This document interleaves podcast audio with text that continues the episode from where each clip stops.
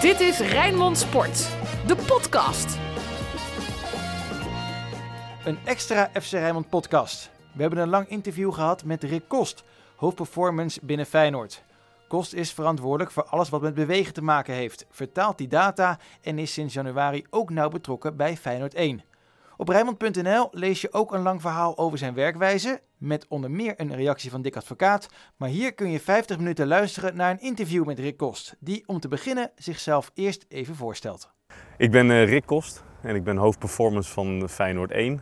En daarnaast ben ik verantwoordelijk voor de gehele performance, dus alles wat niet met direct voetbaltaken te maken heeft, eh, maar met bewegen eh, voor geheel Feyenoord. Je bent van huis uit een tennisser.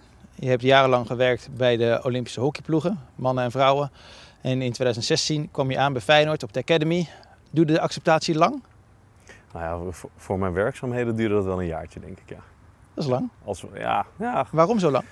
Nou, er, er was niet echt een performance afdeling. En ik ben binnengehaald als, ik denk in eerste instantie, een soort fysieke trainer. Eh, en daar heb ik mijn eigen draai een beetje aangegeven tot echt een, een afdeling performance gecreëerd. Zodat we ook eh, een professionaliteitsslag hebben kunnen maken. ehm, van oké, hoe gaan we nou om met alle bewegingen die niks met Feyenoord, met voetbal direct te maken hebben.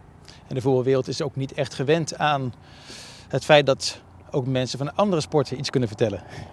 Nee, hoewel steeds meer. Ja. Want eh, ik ben bewegingswetenschapper van, van huis uit. En eh, bewegingswetenschappers komen niet allemaal uit voetbal. Dus de beschikbare mensen met een bepaalde ja, eh, geschiedenis, of een bepaalde performancegeschiedenis, die, die zijn heel spaarzaam. En daarom dat er steeds meer mensen van buitenaf ook voetbal indruipen. We gaan even terug naar het begin. Je was ongeveer 20 jaar, je was tennisser en je wilde misschien proftennisser worden, maar je dacht nee, dit ga ik niet doen. Dus ik ga me richten op mijn studie. Wat heb je gedaan? Nou, ik heb, eh, nou goed, proftennissen zag ik al dat dat inderdaad rond mijn 19 dat dat niet ging worden. En eh, toen heb ik eh, de keuze gemaakt om in Alphen te gaan werken en daarnaast te studeren. En gelukkig ging studeren mij best goed af. Dus ik heb fysiotherapie gestudeerd, bewegingswetenschap gestudeerd, sportpsychologie gestudeerd. En eh, het mooie was dat ik echt, ik, ik hou van sport. Dus ik ben van hart en nieren ben ik een harde sporter, harde werker. En ehm, ja, zo, zo was eigenlijk een logische weg voor mij om uiteindelijk al te bedenken dat ik ooit een keer het voetbal in wilde. Maar dat had je toen niet kunnen bedenken, dat je, want je hebt heel lang in, in de hockeywereld eh, gezeten. Eerst Ja. nog even handbal, bij Hellas in Den Haag. Klopt helemaal. Toen bij HGC, ook in Den Haag. Ja, ook tegelijkertijd met handbal.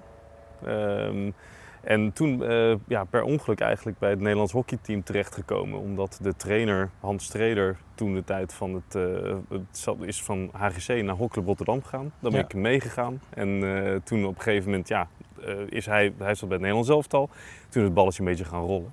Ehm, en toen, ik denk dat ik de eerste was in het hockey eh, als soort van performance manager, inspanningsfysioloog met, eh, met functionele taken om ook echt het hockey te veroveren. Want je hebt daar twee Olympische Spelen meegemaakt, toch? Londen en Rio. Klopt helemaal. Mannen en Ja. vrouwen? Mannen en vrouwen, ja. Dat is ook nog een verschilletje. In benadering, denk ik. En, eh, Ja, nou, ja, ja, zeker. Alleen ehm, mijn, mijn rollen zijn wel gegroeid. Ik ben in het begin was ik echt adviesgever. En dan heb je natuurlijk wel te maken met het team als het gaat om testen afnemen, ehm, het in kaart brengen van de trainingen, de periodisering, de opbouw naar een Olympische Spelen toe. Eh, maar in eerste instantie heel erg met trainers en later steeds meer ook met spelers, omdat je er langer bij zit. Dus, dus het verschil mannen en vrouwen ja, maar dat groeit vrij natuurlijk over tijd. Je mocht steeds meer doen. In 2016 ook succesvol op te spelen. En dan zie je een vacature staan op de Feyenoord Academy. Dan denk ik, dat is een paar stapjes terug. Ja, Of niet? Nou, ja, ehm, ja en nee. Ik heb daar heel lang over nagedacht. Om te En, solliciteren. eh, om te solliciteren. En eh, ik heb ook echt gesolliciteerd. Dus het is ook niet alsof ik gevraagd ben of iets. Dus tot die tijd had ik nog nooit gesolliciteerd. Want wat voor vacature was het? Nou, het was ehm, coördinator fysieke training bij de Feyenoord Academy. En voor mij was de eh, enige manier om mijn ja, centen te verdienen zonder dat ik eh, afhankelijk was van mijn fysiotherapiepraktijk. Want ik had ook nog een aantal fysiotherapiepraktijken ernaast. Eh, maar mijn passie ligt echt bij die performance. Eh, de enige manier om de voetbal in te duiken was om toch een platform te krijgen en dan maar te laten zien wat, ik, wat ik in huis had. En de- dus het was uiteindelijk heel duidelijk dat ik daarom moest solliciteren, want niemand had mij gevraagd. En waarom wilde je dan zo graag in het voetbal werken?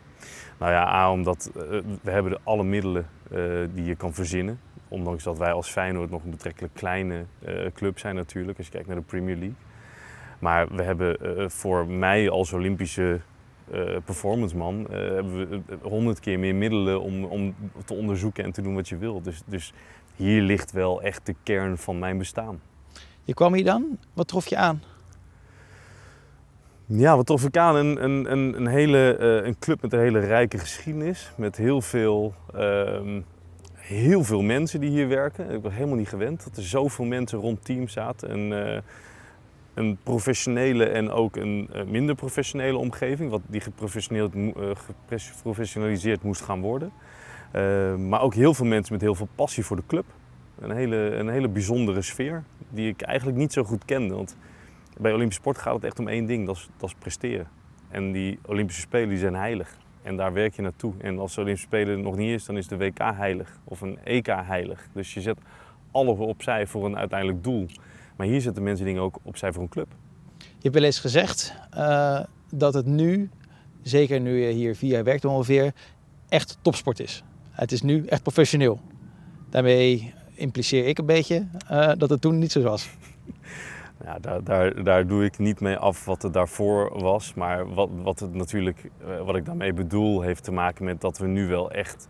Het lijkt wel op dat wat topsport inhoudt. Dus iedereen is elke dag volgens een bepaald ritme binnen. Iedereen is elke dag volgens een bepaald ritme bezig om de voorbereiding voor de training. Het belangrijkste moment van de dag voor een sporter en voor een trainer, om dat op te bouwen. Iedereen is bezig om die training volledig goed neer te zetten na te bespreken, et cetera, et cetera. Krachttraining te doen, dagelijkse krachtprogramma's die elk op individueel uh, afgestemd zijn.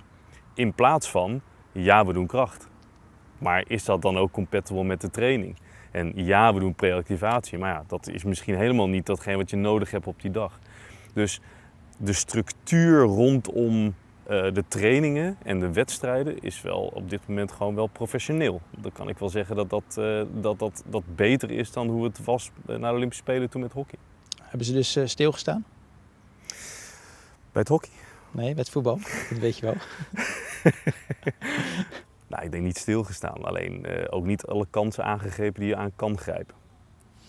Even terug naar die Academy, toen je daar kwam. Je hebt daar heel veel, uh, ja, zo zeggen, wat, waar ben je eigenlijk het meeste trots op wat je daar hebt ingevoerd en waar nu nog steeds gebruik van wordt gemaakt? Nou, uh, um, ik denk dat het allerbelangrijkste voor een topsporter zijn, topsporter zijn toch topsportregels. Dus wanneer um, doet iemand iets in de training? Wanneer doet iemand iets voor de wedstrijd? Wat is iemand waard in een wedstrijd? Um, en geldt wat... dit nu voor de Academy of voor het eerste? Voor de Academy, ja. ja. En um, uh, wanneer moeten we krachttraining doen? Wat zijn de juiste ritmes? Weet je, iedereen kent de term VCT van Verheijen, maar wat betekent dan eigenlijk een VCT? Voetbalconditionele training. Precies. Maar we doen elke dag wel een voetbalconditionele training, want anders staan we niet op het veld, onder andere. Dus het helemaal neerzetten van een structuur die recht doet aan de ontwikkeling van spelers, dat is bij de Academy wel echt goed gelukt. Wat ik wel mooi vond, wat je daar hebt uh, geïntroduceerd, zijn de zogenaamde donorsporten. Oftewel, je gaat andere sporten doen, zodat je er met voetbal profijt van kan hebben. Ja. Kan je een paar voorbeelden geven? Nou, we zijn, uh, mijn, mijn grote trots eigenlijk is, uh, is Jump Excel. Dat is natuurlijk niet alleen ik, maar wij kregen de kans om hier in Rotterdam bij Jump Excel konden wij trainingen gaan doen. En in eerste instantie heb ik daar echt lang over nagedacht. Alleen Want wat is Jump Excel? Een, een trampolinespringpark. Eigenlijk een funpark. Ja, maar toen dachten we, ja, weet je, het is en leuk. En weet je, de jongens die vallen natuurlijk op het voetbalveld continu. En tegelijkertijd hebben we jongens die vanwege uh, groei minder met hun knieën uh, belast kunnen worden op het gras door te springen. Nou, hoe mooi is het als wij sprongkracht kunnen verbeteren, duelkracht, valvermogen uh, kunnen verbeteren door gewoon in een omgeving waar het eenvoudiger is om, dat, om daar te gaan trainen. En toen hebben we een plan gemaakt. En dat plan is echt super mooi geworden. En je zag ook echt dat jongens veel meer bewegelijk werden. Ook in luchtduels, maar ook gewoon op grondduel. Veel, veel, het is een instabiel oppervlak, dus je moet leren te stabiliseren. Dus als je het op zo'n oppervlak kan, nou, dan kan je het op zo'n oppervlak ook.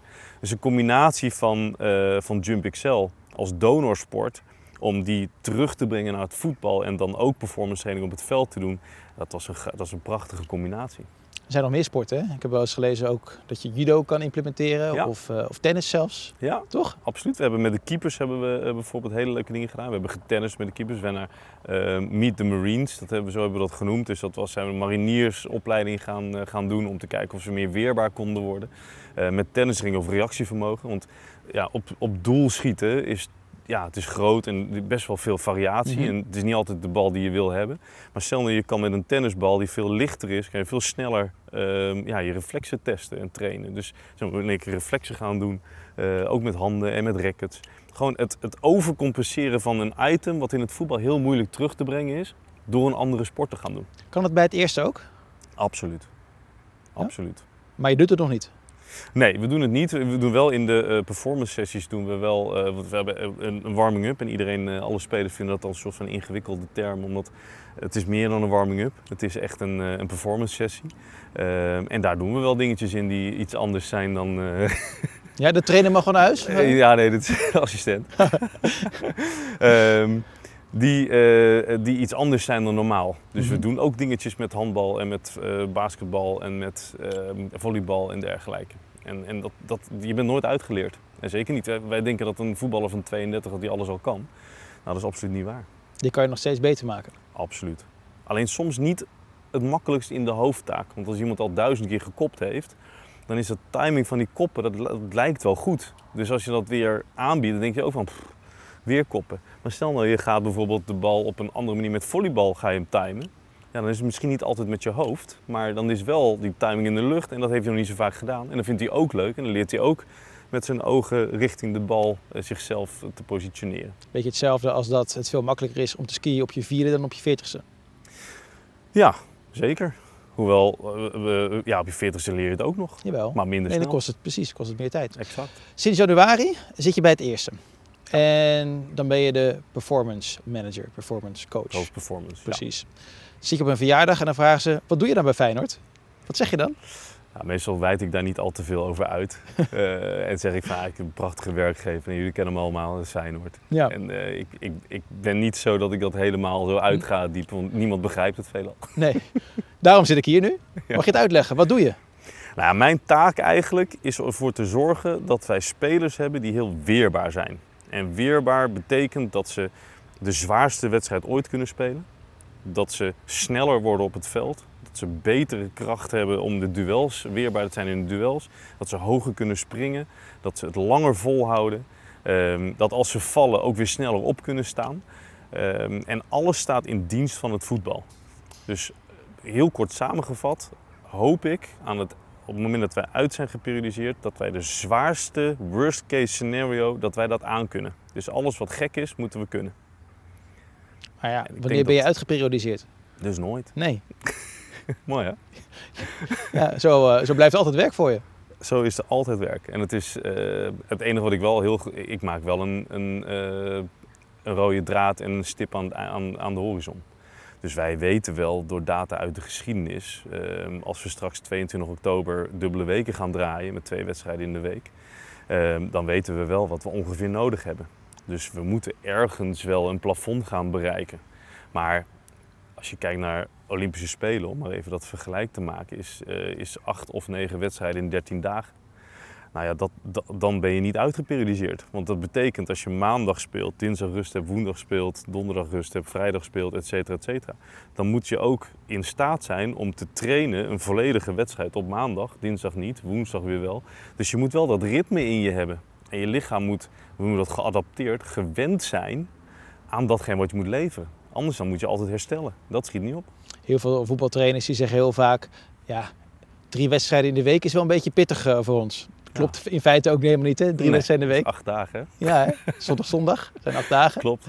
Eh, als, jij dan, als jij een trainer dat hoort zeggen, wat denk jij dan? Nou, ik denk dat het absoluut mogelijk is. Want Ja, we weten helemaal niet wat het lichaam kan. En ik, ik ben er ook nog niet achter. Maar ik weet wel dat het lichaam heel veel kan. Alleen wel op de juiste manier. Want als we het op één dag mis hebben, dan heeft dat effect op de hele week. En dan lijkt het vaak alsof je het niet aan kan. Alleen we hebben het gewoon verkeerd geperiodiseerd. Dan zijn data voor jou cruciaal, hè? essentieel. Eh, hoe meet je die? Dat ten eerste. Nou, we hebben eh, hier op het veld hebben wij een, eh, een meetsysteem, een LPM, een lokaal positioneringssysteem. Daar kunnen we zien hoeveel ze doen, dus hoeveel sprint ze trekken, wat de afstand is die ze afleggen, welke hartslagzones ze inzitten.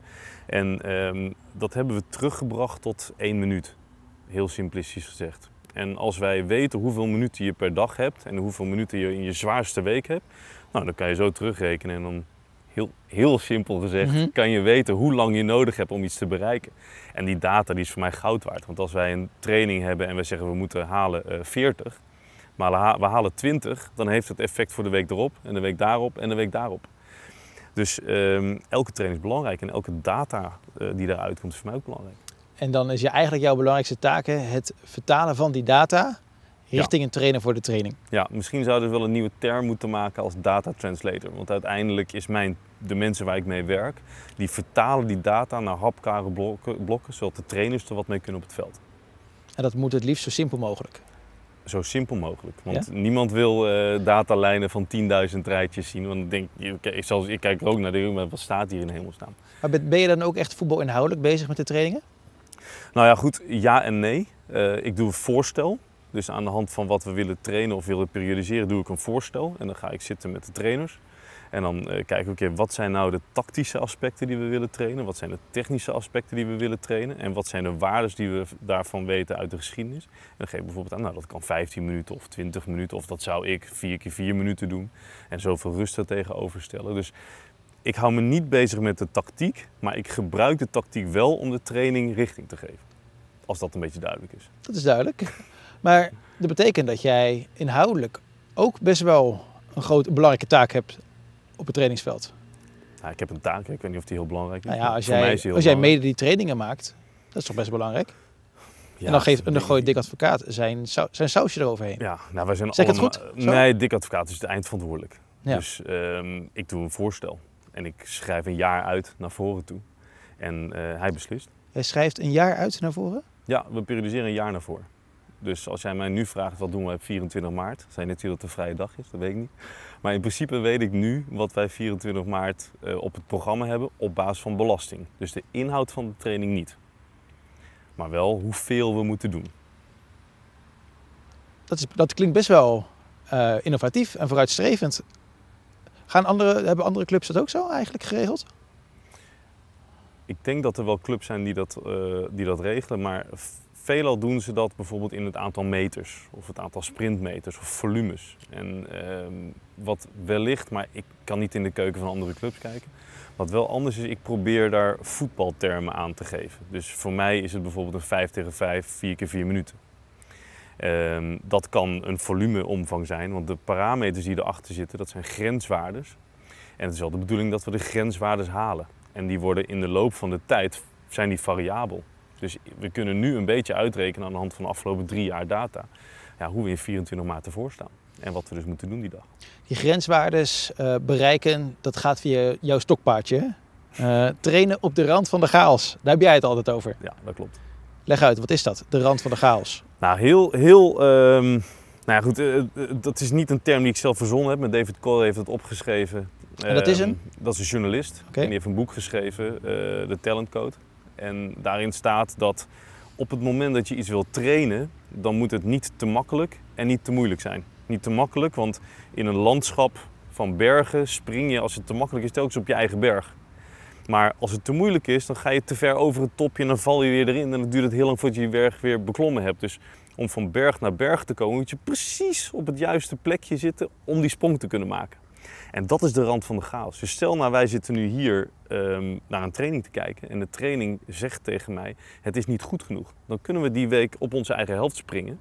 En hebben we ja, eigenlijk niks bereikt die week. Want we zijn niet uitgedaagd, technisch of tactisch gezien. We zijn fysiek niet uitgedaagd. Het was te eenvoudig, dus mijn motivatie is ook heel matig.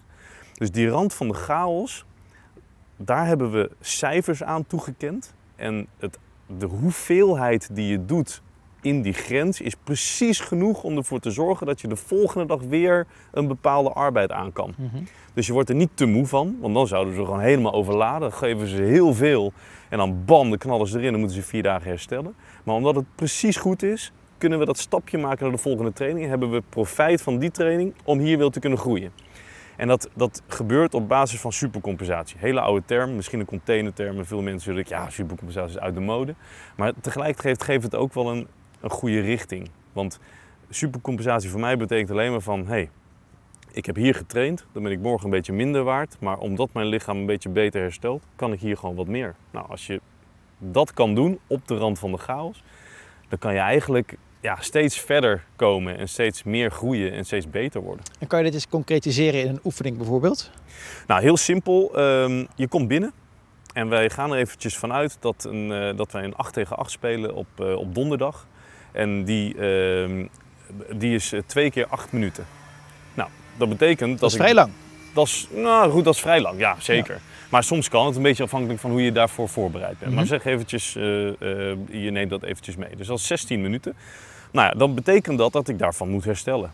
Dus vrijdag kan ik dan niet hetzelfde doen, zeker niet in week 1. Dus dan moet ik ietsje eronder gaan zitten en dan ga ik bijvoorbeeld een andere vorm kiezen. Ik ga variëren in een 4 tegen 4, want dat zijn andere afstanden. En dan doe ik bijvoorbeeld twee keer 4 minuten. Nou, de week daarna zitten we in dezelfde situatie, weer die donderdag. En we willen weer die 8 tegen 8 spelen. Als ik dan weer hetzelfde doe, dan ben ik, niet opgeschoten. Dus wat ik moet doen, ik ga een klein beetje meer doen. Dus in plaats van twee keer 8 minuten, spreek ik twee keer 9 minuten of twee keer 10 minuten. En de feedback die we daaruit krijgen, die zegt bijvoorbeeld dat we grenswaardes halen. En als we boven die grenswaardes zitten, 5% daarboven, hey, dat betekent dat we het goed volgehouden hebben. Want de kwaliteit van twee blokjes was top. En de volgende week twee keer 9 minuten. hey, de kwaliteit was weer goed. Maar zien we de kwaliteit minder is, dan zijn we over de rand van de chaos heen gegaan. En je probeert dus telkens de kwaliteit van elk blokje goed te houden. En de volumes precies op het niveau, zodat je de dag daarna of de dag daarna weer kan groeien. Is dat concreet genoeg? Dat is concreet. Dat is concreet. Wat ook een heel concreet voorbeeld was, eh, was een paar weken geleden die wedstrijden in Duitsland. Dat jullie Ja. twee keer een uur moesten spelen. Eh Dick Advocaat noemde het onverantwoord. Deel je die mening? Ja, dat was onverantwoord, ja. Waarom?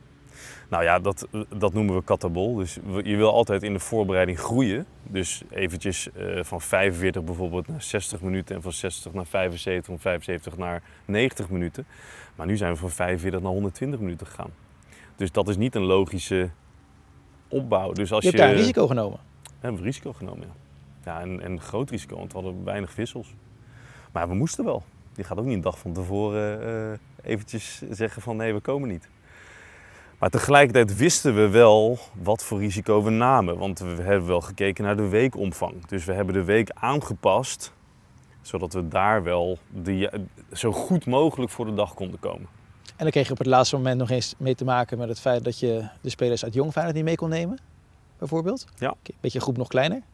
Nou ja, goed, je begrijpt al waar we, hoe we het geperiodiseerd hadden. Was eh, dat iedereen 60 minuten zou spelen. En eh, ja, in één keer zijn er zeven jongens niet. Dus ja, hoe ga je dat gat opvullen? Dat is, eh, dat, is, dat is eigenlijk niet te doen. Dus dan moet je maar hopen dat je weerbaar genoeg bent geworden. eh, in, nou, noem het eventjes, de afgelopen drie, vier maanden, inclusief de coronatijd. En ik denk dat dat wel goed uitgepakt heeft. Het, Ja? het, het, het mooie van het wel overleven betekent dat je ook weer grenzen opzoekt die je anders nooit opzoekt. En dat vind ik ergens wel weer mooi. Dus we hadden het net over van wat, is het, wat kan het lichaam dan? Nou, blijkbaar meer dan we denken. Heeft het een positief effect gehad? Dat weet je natuurlijk pas eh, na de eerste wedstrijd, maar Nou, ik denk niet direct, want ik denk ook dat de wedstrijden daarna we er wel last van hebben gehad. mm, Eh, we hebben daarna nog twee keer 90 minuten gespeeld, toch niet helemaal fris en energiek. Alleen de week aan zich heeft wel weer wat gebracht. Dus als je nu kijkt naar hoe die twee weken waren, dan hebben we een onverantwoord risico genomen. Maar het pakt uiteindelijk goed uit. Om maar aan te geven dat ik zit hier met een laptop en dus data zegt ook niet alles. En dat is wel het mooie van eh, het trainerschap, is dat ik kan alles heel mooi neerzetten en ik kan het prachtig op papier zetten. Alleen soms zit daar ook heel veel ruimte in. En dat blijkt wel.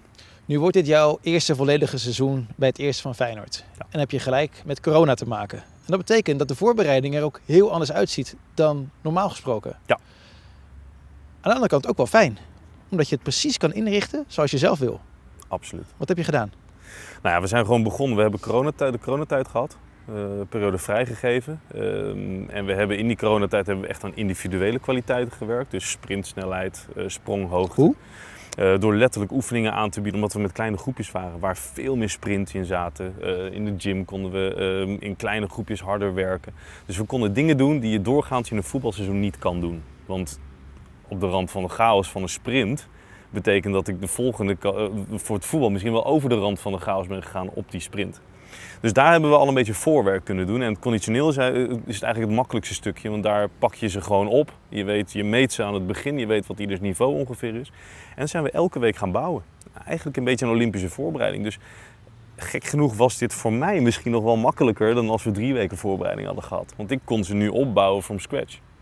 En eh, zo konden we de weken indelen, zodat we de weekvolumes wisten, de wedstrijden in konden plannen waar, waar we dat willen. Ehm, dus we hebben rustig kunnen bouwen. Met een goed gevoel? Ja, het is wel tijd dat het gaat beginnen, moet ik zeggen. Want je merkt wel, eh, voetballers zijn ook wel, het zijn wel jongens, die willen wel ergens voor spelen. Dus een oefenwedstrijd, dat dient hun, ja, dat, dat prikkelt ze niet. Dus het wordt nu wel tijd dat het gaat beginnen. Hoe heb jij dan de jongens eh, wel kunnen prikkelen tijdens die hele lange voorbereiding?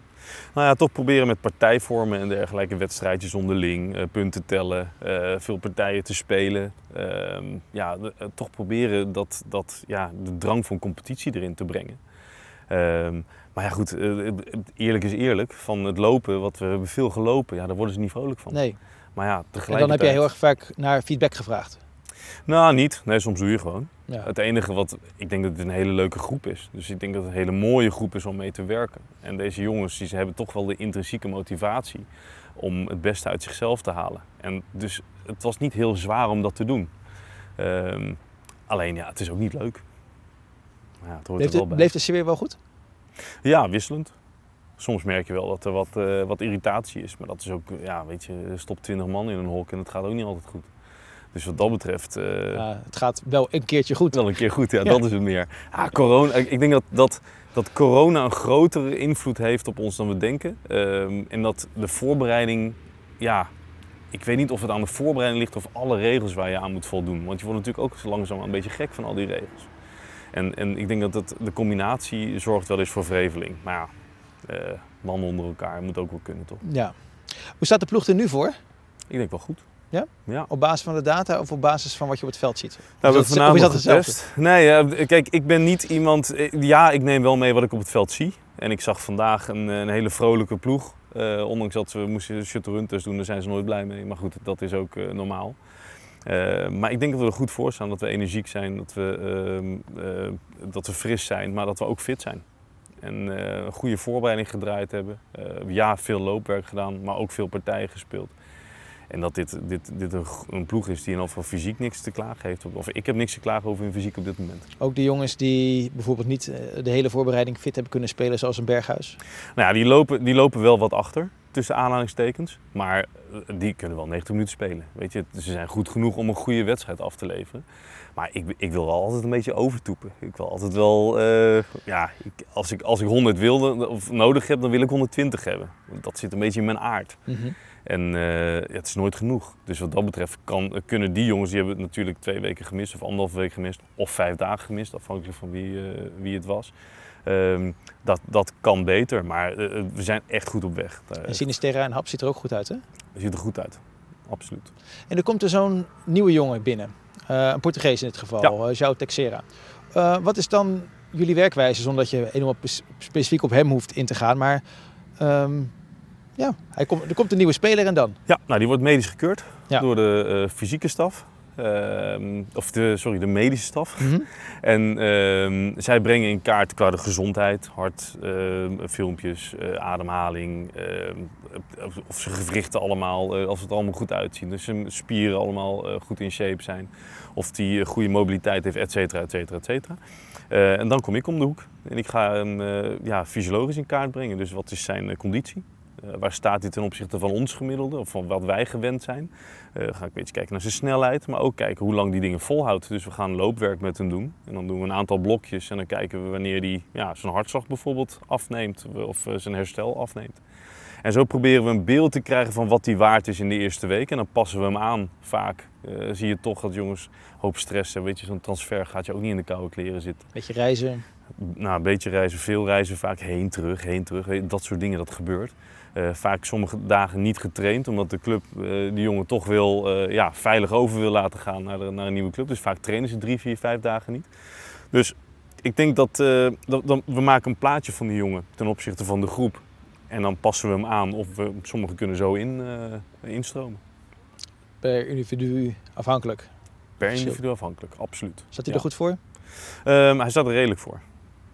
Ja, ja. Maar hij heeft een kortere voorbereiding gehad dan wij. Ja. Dus dat merk je wel. Hey, heel veel supporters die willen gewoon weten, eh, wordt Feyenoord kampioen? gaan, eh, gaan ze zo lang mogelijk meedoen met Ajax, wat veel meer geld heeft en misschien ook wel wat meer kwaliteit. Eh, dan is het aan jou om inventief te zijn, denk ik. Ja, nee, ik denk dat wij gewoon een hele fijne, goede groep hebben van jongens die heel hard willen werken. Dus als die basis er al is, dan, dan moeten we echt wel vanuit onze kwaliteit het vertrouwen hebben dat we zo lang mogelijk mee kunnen doen in elk geval. Wat de doelstelling is, weet ik niet. De, dat is allemaal aan de hoofdcoach om dat lekker te vertellen. Uh, maar het is aan mij om te zorgen dat wij uh, alle spelers zo lang mogelijk fit houden. Mm -hmm. En als wij ze zo lang mogelijk fit houden, dan is wel gebleken, kijk, tweede helft seizoen vorig jaar, helaas is corona binnengevallen, dat wij dingen kunnen doen waar, uh, andere, waar je van tevoren misschien wel een vraagteken bij zou zetten. Je gebruikt het woord vertrouwen. in hoeverre voel jij het volledige vertrouwen van Dick Advocaat? Nou ja, dat, ik, ik voel een, een, enorm vertrouwen uh, van Dick Advocaat en daar ben ik ontzettend blij mee. Uh, want ik vind Dick een fantastische, fantastische coach. Waarom? En, uh, nou ja, ik, ik, ik ken eigenlijk, nou ik weet niet niemand, maar weinig mensen met, die zo eerlijk zijn en zo duidelijk zijn over wat ze willen. En ik ben daar mega blij mee. Dus als iets niet goed is, dan hoor ik ook, nee dat is niet goed. En dat wil ik, want uiteindelijk willen de jongens moeten verbeteren, maar wij moeten zelf ook willen verbeteren. En hij prikkelt mij wel om continu weer uh, het beter te willen doen. En niet te accepteren dat dingen soms goed zijn. Duurde het lang uh, dat je zijn vertrouwen, voordat je zijn vertrouwen had gewonnen? Dat zal je aan hem moeten vertellen alleen. Je een gevoel bij? Nou, voor mijn gevoel was het de eerste drie, vier weken was het een beetje ja, voelen, aftasten mm -hmm. en een beetje onhandig natuurlijk. Je weet niet zo goed. Uh, ja, ik, heb, ik ken alleen maar verhalen van deze man. Ja. Maar onder andere het verhaal dat hij, uh, nou hoe moet ik het zeggen, natuurlijk heel erg uh, people manager, fantastisch. Uh, ik denk dat zijn, zijn rechterhand op de schouder uh, brengt meer teweeg dan acht analyses voor jou op acht A4'tjes. Ja, ik kan honderd dingen zeggen tegen die gasten, maar als Dick Advocaat achter mij staat, hier zo, dan heb ik aan één woord genoeg. En als hij langskomt en hij zegt het, dan is het één letter genoeg. Weet je, maar dat is ook wel het, het charisma wat hij heeft. En uh, ja, het, het, ik, ik, ik, vind het ik vind het een prachtig mens. Ik kan ja. niet anders zeggen. En ik Staat waardeer hem enorm. Staat hij open voor jouw innovaties? Ja, absoluut. Er zijn heel veel verhalen natuurlijk uh, van andere clubs waarbij gezegd wordt dat het niet zo is. Uh, wat, wat ik denk, maar nogmaals, ik kan niet invullen hoe hij denkt. Mhm. Uh, maar is als je het maar, als je het maar slim en duidelijk uitlegt, um, zodat het niet abracadabra is. Hij, kijk, hij heeft niet bewegingswetenschap gestudeerd, dus ik mag ook niet uh, van hem vragen wat hij weet dat acht afcijfers achter de komma wat iets betekent. Dus als we het maar in voetbaltermen brengen, uh, zodat het bruikbaar is, ja, dan heb ik nog nooit meegemaakt dat hij zegt van dat vind ik een onzin. Dus ja, ik vind, ik vind dat hij zeker uh, op basis van innovatie en zo zeker mee wil. Nog even terug naar jouw hockeyverleden en de vergelijking tussen uh, het hockey en voetbal. Ik ben heel benieuwd, was het grootste verschil en het grootste overeenkomst? Nou, ik denk dat de grootste overeenkomst van de trainers over het algemeen is dat het allemaal wel personen zijn. Het zijn allemaal wel karakters. Um, en Egootjes. anders, uh, nou, niet, nou, niet zozeer ego's. Sommigen wel, maar sommigen hebben echt een bepaald karakter. Mhm. En ehm, je moet ook een bepaald karakter, een bepaald sterk, een sterke eigenheid hebben, wil je hoofdcoach zijn. Want je moet beslissingen nemen die niemand anders kan nemen of gaat nemen. Um, het verschil vind ik wel dat wat je ziet, is maar vooral bij, uh, bij Olympische Spelen um, en, en uh, misschien minder bijvoorbeeld in de hoofdklasse bij het hockey, is dat er is zo weinig staf dat je als trainer bij een Olympische, uh, Olympische sport zoveel kennis moet hebben van alles eromheen. Uh, omdat niet iedereen heeft een inspanningsfysioloog. Dus je moet heel veel kennis hebben van inspanningsfysiologie. Dus daarin zie je dat de verdieping op, het, uh, op de, uh, de vakgebieden buiten de kern, dat dat in andere sporten wel groter is dan in het voetbal. In het voetbal is het toch veel van, hé, hey, we hebben een specialist daarvoor, dus daar kunnen we naar luisteren. Dus waarom, ja, dan hoef ik me niet al te uh, veel daarin te verdiepen. Dat is wel een groot verschil. En uh, dat maakt ook dat er andere gesprekken zijn met, met een coach in het hockey bijvoorbeeld. Ja. Dan, uh, het gaat ook vaak over mentale uh, dingen en over okay, hoe kunnen we met z'n drieën, want we hadden een staf van drie of vier man, hoe kunnen we met z'n drieën dat hele spectrum van kennis uh, ja, zo goed mogelijk uh, op de mat brengen. Dus het, zijn, het is een andere dynamiek. Heeft ook met geld te maken natuurlijk. 100 procent. Want jullie werkten bij de Hockeybond, geloof ik, in een traject van vier jaar met een begroting van iets meer dan 2 miljoen. Exact. Ja, dat nou. is nogal uh, te vergeleken met hier is dat, uh, is dat heel weinig. Uh, maar ja, spelers kosten natuurlijk ook niks. Eh, Nee. Maar het was, eh, kijk, hier hebben wij eh, een systeem. Ik, wij zeggen van ja, we moeten zo'n systeem hebben om eh, de sprongkracht in, eh, in kaart te brengen. Nou, dan kopen we dat even. Nou, dat kost 15.000 euro. Maar dat gaat in het hockey niet. Dus dan moeten we naar een universiteit slim zijn, daar een platform lenen en dan daar de sprongtesten doen. Dus dat hele circus reist dan heen en weer. Weet je, dat is, dat is een hele andere eh, benadering. Dus er is hier zoveel mogelijk. Ehm, en ik vraag me wel eens af of, of, of, of we dat hier wel eens doorhebben. Hoe, hoe het in andere sporten gaat. En als je kijkt wat de prestatie is die andere sporters op de mat leggen met zo weinig geld. Dat is echt van wereldformaat. Nou, geef eens antwoord op die eigen vraag. Ehm, welke vraag bedoel je? Nou ja, eh, hebben, we, hebben wij wel door? Eh, Ja, ik denk het soms niet. Het is nee. wel een beetje een bubbel. Maar dan ben ik heel eerlijk. Dat is, ja, het, ik, ik heb het van alle kanten meegemaakt. Of alle kanten, van beide kanten meegemaakt. Ehm, en het, het- ik, ik benader het hier wel een beetje zoals daar. Dus als ik het met 1 euro op kan lossen, dan ga ik niet 100 euro uitgeven. En ik denk dat dat ook de club ten goede zou kunnen komen. Ehm, dus ja, er wordt, we denken wel eens dat alles mogelijk is. Maar dat is niet zo. Wat zou het voetbal dan het meest kunnen leren van een Olympische sport? Nou, ik denk het, het, het verdiepen op andere vakgebieden.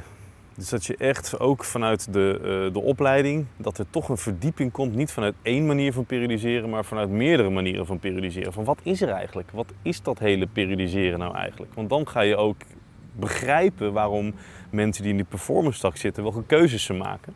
En is het niet zomaar van, ja, maar ja, jij doet dat, ik doe dat al honderd jaar zo. Ehm, Dat is nu wel een beetje nog het geval, hè? Nou, eh, bij mij moet ik Als je zeggen doet wat je deed, Toen dan ik krijg je binnenkwam wat je kreeg, zeggen ze ja, altijd. nou ja, maar wat, eh, dat, is, dat, is, dat, is, dat was wel toen ik binnenkwam zo.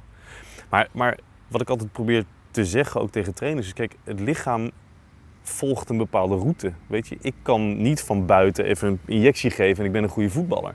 Dus ik moet leren om een goede voetballer te worden. Dus als ik altijd maar hetzelfde doe, ja, dan leer ik dat niet. Dus ik moet variatie aanbieden, bijvoorbeeld. Nou, en dan moeten ze weten hoe dat leren, of ze moeten niks, maar het zou fijn zijn als ze weten hoe dat leren dan in zijn werk gaat. En, en wat is leren nou? Dat is hier leren, dat is hier leren, dat is helemaal leren vanuit, eh, van, boven naar beneden en van beneden naar boven. Het is wel fijn als ze dat weten, want dan worden de keuzes ook begrijpelijker.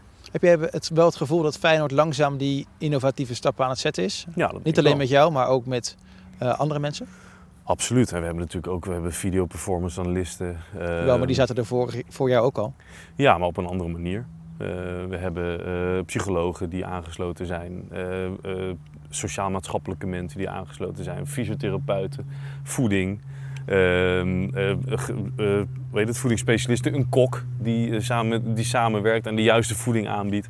Dus het, dus Klinkt het- allemaal best wel logisch dat je dat hebt. ja, ja, maar, ja, maar niet als je eh, nou ja, bij het handbal zit. Dan, moet je, dan is er één iemand die kookt voor de hele groep op maandag. En dinsdag kookt er weer iemand anders voor de hele Ja. groep. En dat is pasta. Maar ja, of het nou goed is, ja. Ja, ze verdiepen zichzelf erin, de spelers, speelsters. Maar of het goed is, ja, eh, weet je niet. De club heeft wel draagvlak nodig. En Absoluut. ik proef een beetje dat het er eerst niet was en dat het er nu steeds meer bij komt. Nou ja, op mijn vakgebied eh, vind ik van wel. Vind ik echt dat daar maken we echt goede stappen. En ik heb echt het gevoel dat daar ook dat, ja, dat trainers dat ook fijn vinden, maar ook ehm, ehm, ja, eh, het bestuur het fijn vindt. Dus, dus daar maken we wel stappen in. Samenwerking met medisch bijvoorbeeld. Dat, is, eh, dat geeft nu is heel anders dan dat het voorheen was. Want eigenlijk doen we, hebben, zijn, we hebben met z'n allen één doel. Dus ik ben niet binnengehaald om iets aan te dragen waarvan iemand anders zegt, ja dat is niet goed. Dus je merkt wel dat specialismen steeds beter gedragen worden. Heb je het gevoel ook dat de nieuwe generatie trainers het ook steeds eh, belangrijker gaat vinden? En dan, doet, dan wil ik niks afdoen aan een dik advocaat hè, die al gewoon heel erg lang doet wat hij al doet. En daar ook succesvol in is. Absoluut. Maar er komt nu een andere generatie aan. Ja, nou ik denk dat de jongens rond een beetje mijn leeftijd, misschien al de jongeren, 32, 33, 34 jaar, wel een ander type trainer is. Ehm, ik denk, we hebben op de Academy hebben we een aantal voorbeelden. Eh, Melvin Boel bijvoorbeeld, dat is iemand die al heel erg bezig is met hoe kunnen we data implementeren. En die ja, zelfs zijn eigen videoanalyses onder andere naast de normale videoanalyses maakt. Dus die zijn wel ook opgegroeid natuurlijk met computers. Is dat de toekomst? Dat is wel de toekomst, ja. ja. En grappig genoeg, als je het dan nu hebt over ehm, hoe het was in de Olympische sport, dan zie je ook wel dat misschien lopen we in het voetbal één generatie achter. Want er zijn trainers van 50 in het hockey die dat ook al heel erg doen. En die groep mensen in het voetbal is misschien wat minder. En nogmaals, ik ken ze ook niet allemaal, dus ik weet ook niet of het voor allemaal geldt. Maar dat is wel de mensen waar ik mee heb gewerkt. Je hebt wel eens gezegd, uh, wij liepen uh, in het hockey in 2012 uh, vooruit op het voetbal in 2020. Ja. Op sommige gebieden. Ja, maar dat is ook zo. De dingen die wij deden waren fantastisch. En dat doen we nu hier. Dat is ook fantastisch. Maar, maar toen, je kan veel meer experimenteren.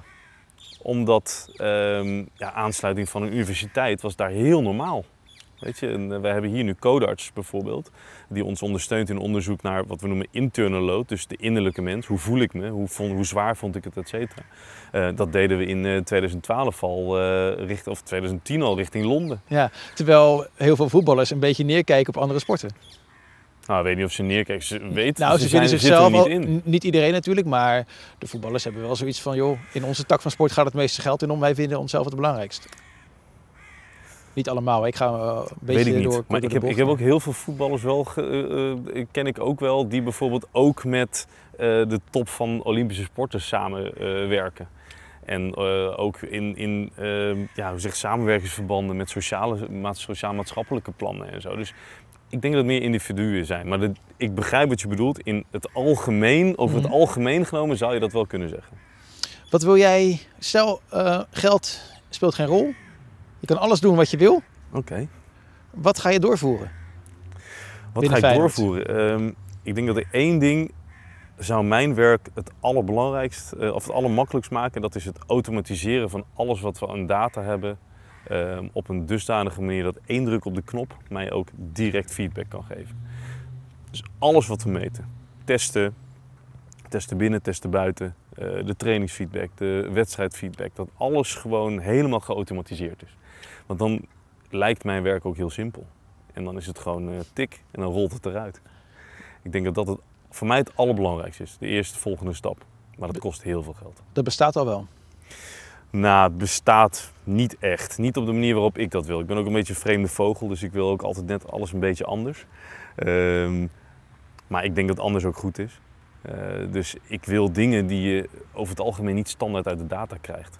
En dan moeten we dus dieper in de data duiken. En dat kost gewoon heel veel tijd en heel veel geld. Maar voetbal en data, dat gaat zeker samen, toch? 100 procent. Ja, kijk naar de Premier League. Kijk naar alles wat er op tv is. Soms verbaas ik me wel eens. Dan kijk ik naar televisie. En dan zie ik naar Eurosport, zie al die datalijntjes zo lopen. En denk van ja, hoe kan het zo zijn dat zij dat al hebben? Terwijl die analist van dat team het waarschijnlijk nog niet eens zelf heeft. Dus ja, dat gaat zeker samen. En het publiek wil het ook. Wat doe je eigenlijk tijdens de wedstrijd? Zit je dan ook met een iPad uh, ergens? Nee, tijdens de wedstrijd uh, kijk ik de wedstrijd. En wat ik daarnaast doe is, uh, ik zorg ervoor dat de jongens die wissel staan, dat die ehm, ja, warm zijn. Dat ze altijd in kunnen, in kunnen springen. Maar is dat dan niet de toekomst? Dat je ook daar met gegevens zit? Zeker, maar dat, dat, wat, wij maken voorspelmodules. dus wij voorspellen hoe lang iemand ongeveer op het veld kan staan zonder verlies van kwaliteit.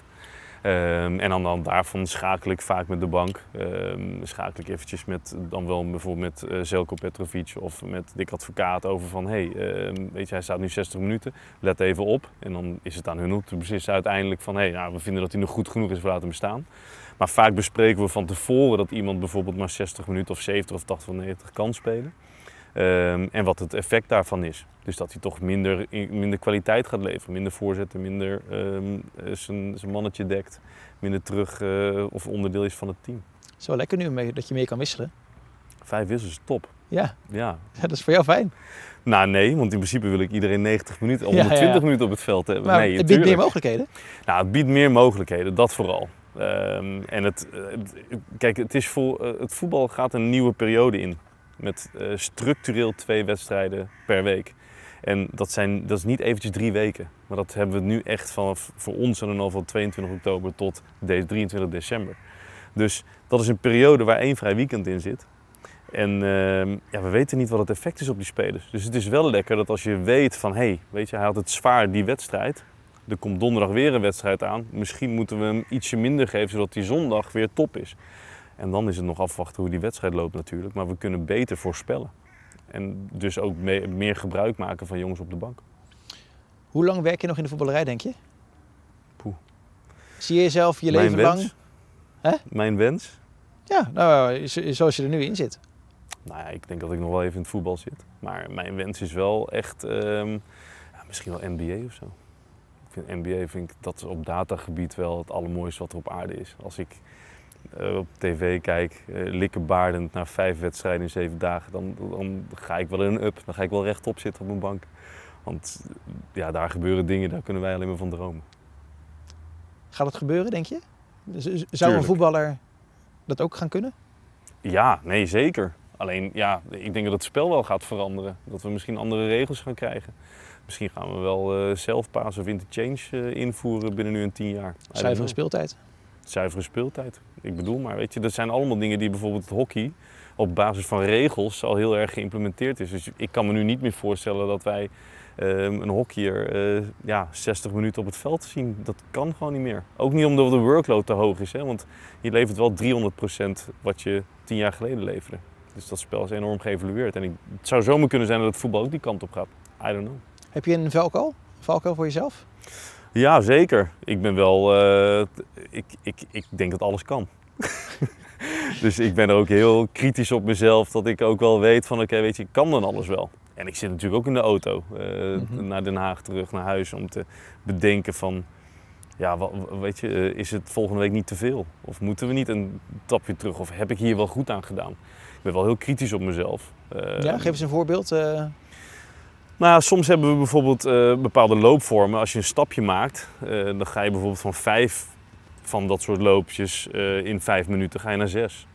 Maar ik wil dan eigenlijk naar zeven. Maar die stap die is wel heel precair, want zeven is misschien ook wel te veel. Maar ergens heb ik wel zoiets van, dat moeten we doen. En als ik dat doe, dan zit ik wel even met samengeknepen billen die week. Als we er doorheen zijn, dan denk ik van, maar ik denk dat acht ook mogelijk is. Mhm. Dus dat is wel mijn valkuil. Dat ik altijd maar denk dat het beter en meer kan. En misschien moet er wel iemand zijn die eventjes af en toe op de rem trapt. Wie doet dat nu dan? Ja, ikzelf. Ja. Nou, en ook eh, samenspel met eh, medisch. Dat is wel echt goed. Dus eh, ik merk dat Stijn van den Broek, fantastisch, die zegt ook af en toe wel eventjes van... Hé hey Rick, weet je, let even op. Het, is niet on- het is niet eindeloos. Weet je? Maar dat, en dat heb ik ook nodig. Want ik geloof, in het, ik geloof wel in de dingen zoals we ze doen. Dus dat betekent ook dat we grenzen op moeten zoeken. En niet te makkelijk moeten zeggen, nee, dat is te veel. Of je weet het pas als het zover is. Omdat vooral de Duitse trainers hebben heel vaak het, eh, het stigma van joh, keihard trainen, keihard werken. Maar dat geldt voor jou ook. Je wil ook gewoon keihard gaan. Ja, maar wel, eh, wel goed. De Mhm. kwaliteit is echt belangrijk. Ik vind wel echt op het moment dat de kwaliteit, als we het aantal passes 20% fout gaan eh, in de 70ste minuut van de wedstrijd, dan ben ik niet blij. Dan denk ik wel bij mezelf, ja, hebben we dan niet te hard getraind bijvoorbeeld? Of hey, ehm, fit en fris, nou je kent het allemaal wel. Is die balans er nog wel? Dus ik probeer wel daar goed op te letten. Eh, maar ik hou wel van hard trainen. Er moet wel energie in zitten. Ja, ja. Dat, dat slomige was, dat vind ik helemaal niks. Nu zitten we een beetje aan het eind van het interview. De mensen die nu nog kijken, dankjewel daarvoor. Nee. nee, die zijn denk ik ook wel heel erg benieuwd van, joh, heeft Rick misschien een tip voor mij? Eh, ik ben ook trainer. Maakt niet uit in wat voor tak van sport. Jong, oud, volwassen, pupillen, junioren, aspiranten. Wat voor je, heb, je, heb je iets? Ja, zeker. Ik denk dat waar, waar, het, ehm, waar de grootste winst in te halen is, zijn rituelen of ritmes. Een warming-up, ik zeg maar wat, een eh, voetbal, eh, een, een, een paasdrill, een eh, positiespel en een partij. Nou hoeft dat niet altijd volgens dat ritme te zijn, maar als je partijen gaat spelen, zorg dat je dat opbouwt. Zorg dat je een ritme erin krijgt. Dus je week is maandag, woensdag, vrijdag. Nou, zorg dat je woensdag een zware training van maakt. En dat je eh, maandag zorgt dat het iets minder is. Zodat je de week erop de maandag weer een beetje kan laten groeien.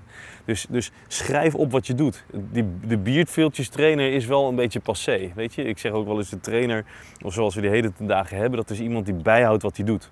Zodat je ook in kan schatten wat je de week daarna kan doen. Want anders is alles toeval. Maar Mhm. het toeval werkt niet in sport.